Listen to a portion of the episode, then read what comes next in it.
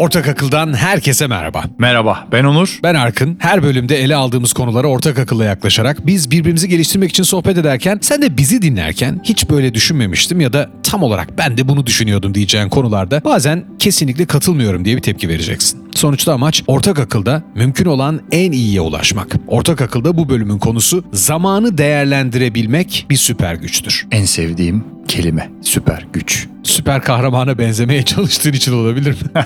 Belki olabilir. Bu sabah yine süper kahramana benzemeye çalışırken yani antrenmandayken sürekli aklımda şu cümle, şu soru, şu kelimeler yankı yaptı. Zaman harcamak, zaman harcamak, zaman harcamak. Zaman harcanabilen bir şey mi? Benim TED konuşmam, TEDx konuşmam zaman üzerineydi ve zamanın saatte 60 dakika, dakikada 60 saniye hızla akarken bizim dokunamadığımız, akışıyla ilgili herhangi bir söz sahibi olmadığımız bir durum olması nedeniyle eğer değerlendirmezsek harcanabileceğini ve boşa gideceğini düşünüyorum. Evet, sonuçta vereceğim yanıt bu. Zaman harcanabilen bir şey. Evet yani. Evet. Fakat şöyle bir şey de var sanırım değil mi? Yani biz istesek de istemesek de harcanabilen ve harcanan bir şey. Yani Zaman biriktirilemeyen bir şey. Evet. Yani biz bazen para harcamamayı tercih edebiliriz. Ama zaman harcamamayı, doğru ya da yanlış konuşmuyorum. Zamanı harcamamayı tercih edemeyiz. O bizim kontrolümüzde olan bir şey de değil. Zaman akarken biz ne yaptığımıza bakabiliriz. Sanki zamanla değil kendimizle uğraşıyoruz. Kesinlikle. O yüzden zamanı doğru harcayabilmek bir süper güçtür diyoruz. Doğru harcamak. Zaten biz istesek de istemesek de harcanıyor çünkü. Zamanı değerlendirmek bir süper güç. Zamanı harcamak ya da harcamamak değil. Zaman zaten akıyor. Zaman akarken bunu doğru yerde, doğru zamanda, doğru şeyi yaparken değerlendirmek bizim yapabileceğimiz bir şey. Bu da süper güç olarak nitelendirdiğimiz şey olmalı. Peki ne kadar kıymetli sence? Varlığımız buna bağlı. Sen ne kadar değerlisin, varlığın ne kadar değerli sorusunun yanıtı kadar bence. Biz ne kadar kıymetini biliyoruz peki? Hiç. Neredeyse hiç. Çünkü enflasyonu var. Sürekli akıyor. Sürekli var olan bir şey. Yani güneşe ne kadar değer veriyoruz? E, bunu ancak güneşi arka arkaya birkaç hafta görmezsek bilebiliriz. Yani hiç zamanın kalmadığında aslında geçenin ne kadar değerli olduğunu anlamaya başlıyorsun sanki. Biraz geç kaldığımız zaman yani. Evet artık çok geç olduğunda. İki tane değiştirilemez gerçeğe ulaştık. Şu an şu birkaç dakika içinde. Bir, zaman harcanabilen bir şey. Eğer doğru değerlendirmezsek ve istesek de istemesek de her zaman akıp giden bir şey. İki, zaman dünyadaki en kıymetli şey. Zaman yönetimi diye bir kavram var. Bununla ilgili eğitimler var, kitaplar var vesaire. Sen zamanı yönetebileceğimizi düşünüyor musun? Açık konuşayım mı? Lütfen. Zaman yönetimi kavramına inanan biriydim. Ta ki seninle sohbet edene kadar. Çünkü söylediğin çok basit bir şeyle benim bakış açımı değiştirdin. Ve o yazılan tüm kitaplar benim gözümde bir anda değişti. Çünkü zamanı nasıl yönetmeyi planlıyoruz biz? Mesela bir gün 24 saatse yönetip 28 saate mi çıkarmayı hedefliyoruz? Bugün günümüz 25 saat. Gibi mesela değil mi? Demek ki zaman yönetimi diye bir şey yok. Kendimizi yönetmek diye bir şey var. O yüzden zamanı değerlendirmekten söz ediyorum. Yani zamana katılan değer, zamanla yaptığın şeyin değerli olması. Zamanı yönetemezsin. Çünkü saatte 60 dakika, dakikada 60 saniye. Belli bir süreç içinde akan bir durum var ortada. Neyi yönetebilirsin? O zamanda ne yaptığını. Yani kendini yönetebilirsin. Kendimizi yönetebilmek için o zaman ilk yapmamız gereken şey ne sence? Plan. Süper. Plan yapabilmek için bir önceki bölüme atıfta bulunursak ilk yapmamız gereken şey ne? Nedeni bulmak. Ondan bir öncesi Ne yap- yaptığımıza karar Aynen vermek. öyle. Aynen öyle. Dolayısıyla hep senin bana söylediğin bir şey var. Kendini bil, kendini tanı. Kendini bilmezsen ve kendini tanımazsan Kendini anla. kendini anla tabii ki.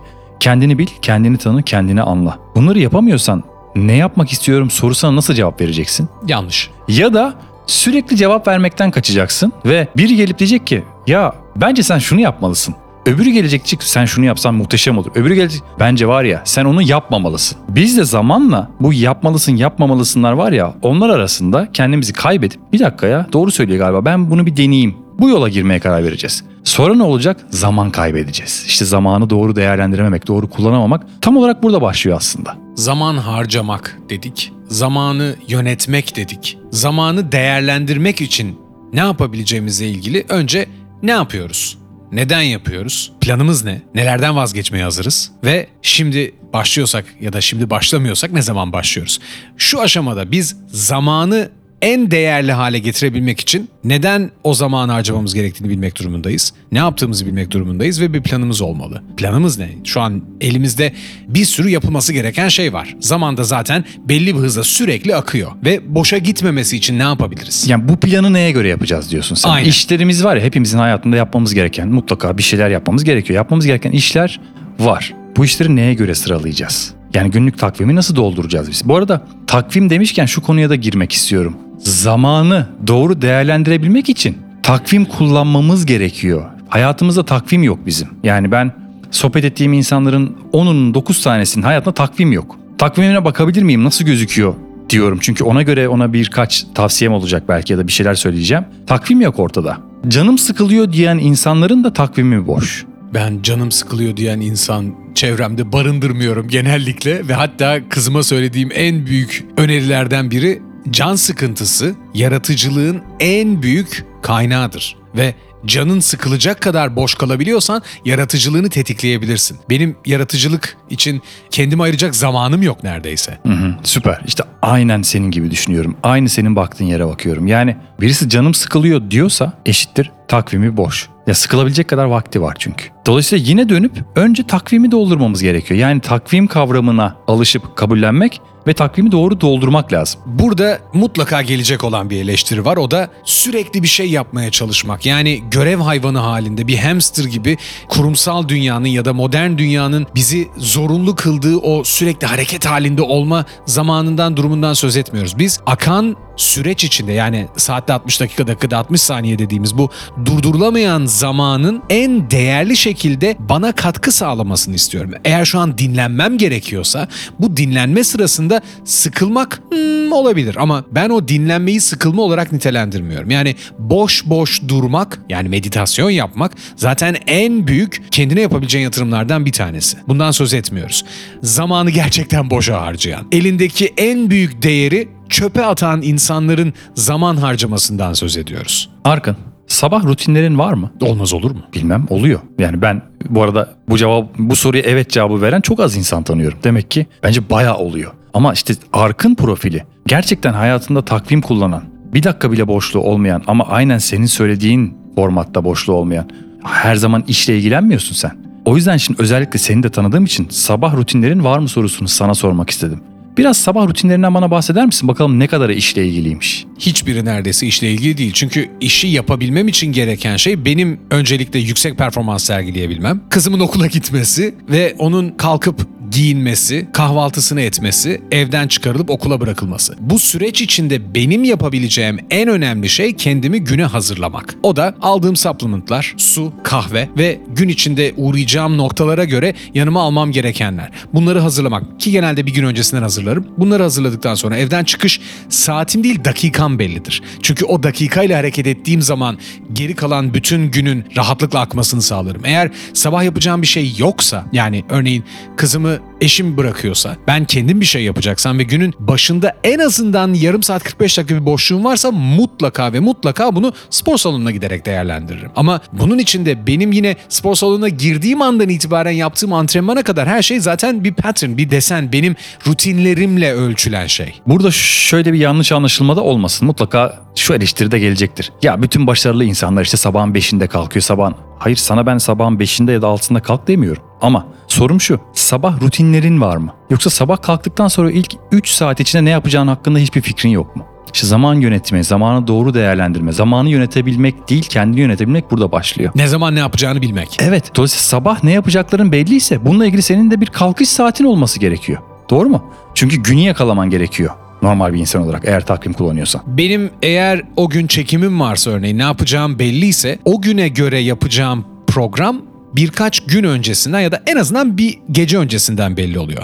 Gün içinde belli olacak durumlar varsa o gün o durumun belli olmasına kadar olan zamanı doğru şekilde değerlendirmeye çalışıyorum. Ama yine karar verebilmek için gereken şey veri veriye dayanan kararlar verebilmek için bir matris kullanıyoruz ve bu matris üzerinde bazı şeyler önemli, bazı şeyler acil, bazı şeyler bunların hepsinin ötesinde değerli. Sen nasıl karar veriyorsun? Ben çok uzun yıllar maalesef, maalesef diyerek başlıyorum. Aciliyet ve önem grafiğini kullandım. Yani bu iş acil mi? Evet ya da hayır. Bu iş önemli mi? Evet ya da hayır. Buna göre işlerimi sıraladım. Fakat ıskaladığım bir şey var. Değer. Zamana değer katmak. Hayatıma, kendime, aileme, her anlamda, her şeye değer katmak. Her an geçen zamana değer katmak. Kesinlikle, kesinlikle. Dolayısıyla bunu da işin içine dahil ettiğimde biraz daha oyun değişmeye başladı. Daha verimli kullanabilmeye başladım zamanı. Daha doğru kullanabilmeye başladım. Eğer sadece aciliyet ve önem sıralamasına bakarak takvimi dolduruyorsak kendimize, hayatımıza, hayatımızdaki insanlara değer katmayı ıskalayabiliyoruz bazen uzun bir süre. Çünkü bu iş acil mi? Evet acil. Önemli mi? Evet. Hadi bunu yapalım. E değer Sadece dinleyenler açısından söylüyorum. Ben sürekli kafa sallıyorum bir yandan. Aynı fikirde olduğumuz için. Dolayısıyla bence bu aciliyet önem grafiğine değeri de mutlaka dahil etmemiz gerekiyor. Benim için ne ifade ediyor? Benim ne işime yarayacak? What's in it for me? Bana ne sağlıyor durumunda? Eğer müdürün, patronun ya da sevdiğin bir insan senden bir şey istediğinde ona ayırdığın zaman senin kendine ayıracağın zamandan harcanabiliyorsa ki benim en çok yaptığım şeylerden biridir bu. Ben hep şey derim ben bunu karşılayabildiğim için because I can afford it. Ben bu zamanı ayırabildiğim için bunu sana hediye ediyorum. Çünkü senin benim zamanımla edindiğin fayda benim senin iyiliğinden edindiğim faydaya dönüşüyor. Senin iyi olmanı istediğim için ben bu zamanı sana hediye edebilirim. Ama bu sürekli kendini ikinci plana atmaya dönüşürse zamanı değerlendirmemek yani bir ertelemek, iki doğru değerlendirmemek ve üç sonunda kendini ön plana almamak. Yani sürekli kendini küçük, ötelenebilir halde Değersizleştirmek işte. değersizleştirmek haline geliyor. Benim açımdan değer öncelikli. Yani yarattığım değer öncelikli ve her şey bana faydası olacak durumda değerlendiriliyorsa senin mutlu olman bana benim o anda başka bir şeyle ilgilenmemden daha büyük bir fayda sağlayabilir. Benim değerlendirme kriterlerim bundan oluşuyor. Hı hı. Yine kendini bilmek, kendini tanımak aynı yere geldik. Şimdi son olarak bir de ben önümdeki işlere şu üç soruyu soruyorum. Zamanı doğru değerlendirebilmek için. Bu süper güce sahip olabilmek için. İlk sorum şu. Bu işi eleyebilir miyim? Önünde bir iş var. Çok basit. Bir bak o işe.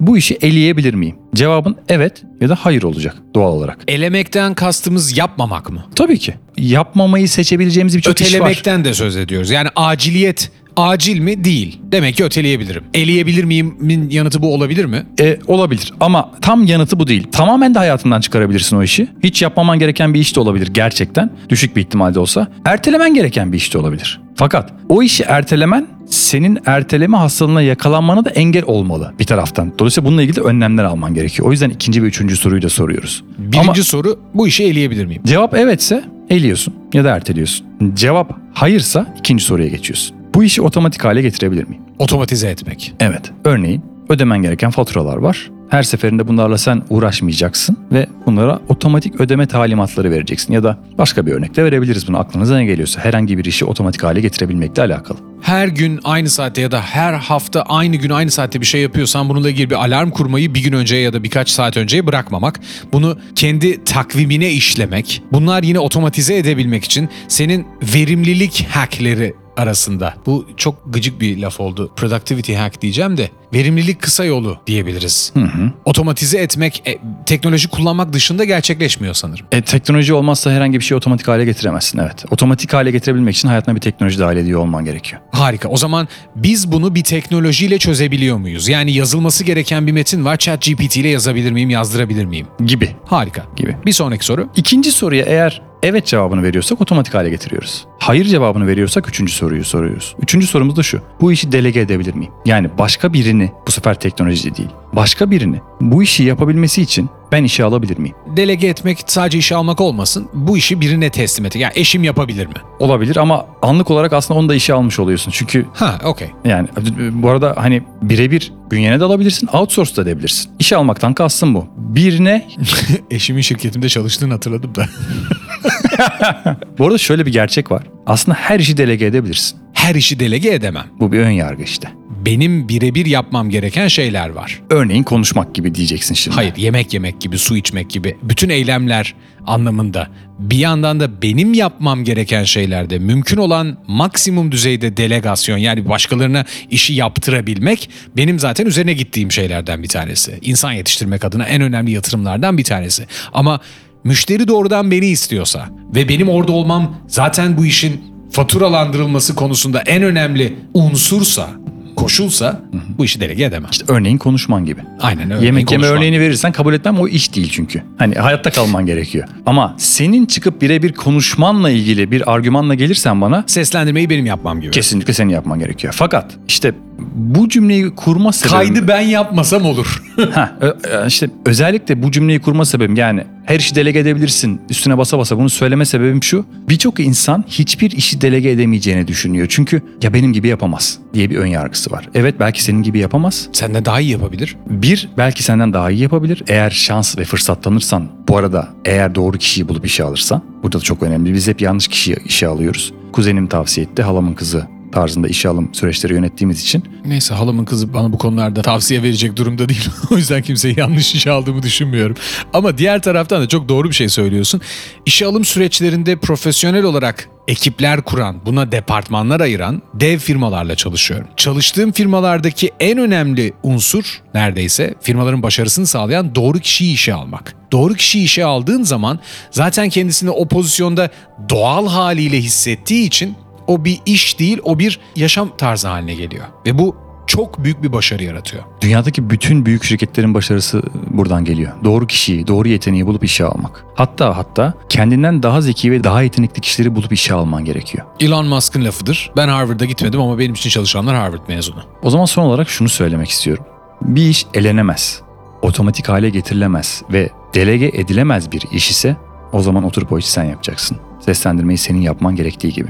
Fakat eğer bu bölümde işi bir ileri tarihe ertelediysek, ötelediysek de yine bir fırlatma tarihi atmamız lazım. Dönüp tekrar ne zaman bakacağım ben bu işe? İşte o noktada tekrar mı erteleyeceğim? Yoksa tamamen hayatımdan mı çıkaracağım o zaman karar vereceğiz. Çünkü ne demiştik? Önem, aciliyet, değer. Bu işi ertelediğimiz tarihte o iş eğer değerini önemini yitirdiyse belki de yapmamam gerekiyor. Hiç yapmamayı tercih etmeliyim. Evet değerini yitirdiyse, geçerliliğini yitirdiyse, herhangi bir şey katmayacaksa bana, işime, hayatıma, ilişkilerime yapmamam lazım. Piyango bileti almak gibi. Yani çekilişten önce alsan iyi edersin. Zamanı değerlendirmek diye başladık. Zamanı değerlendirmek için ilk attığımız adım zaman harcanabilen bir şey mi? Evet kesinlikle harcanabilen bir şey. Zaman biriktirilebilen bir şey mi? Hayır biriktirilemeyen bir şey. Çünkü saatte 60 dakika, dakikada 60 saniye. Ama bu günde uyanık olduğumuz saatler boyunca, zaman boyunca ne yapacağımıza kendimiz karar veriyoruz. Bu da zaman yönetimini devreden çıkarıp zaman içinde bizim kendimizi yönetmemiz de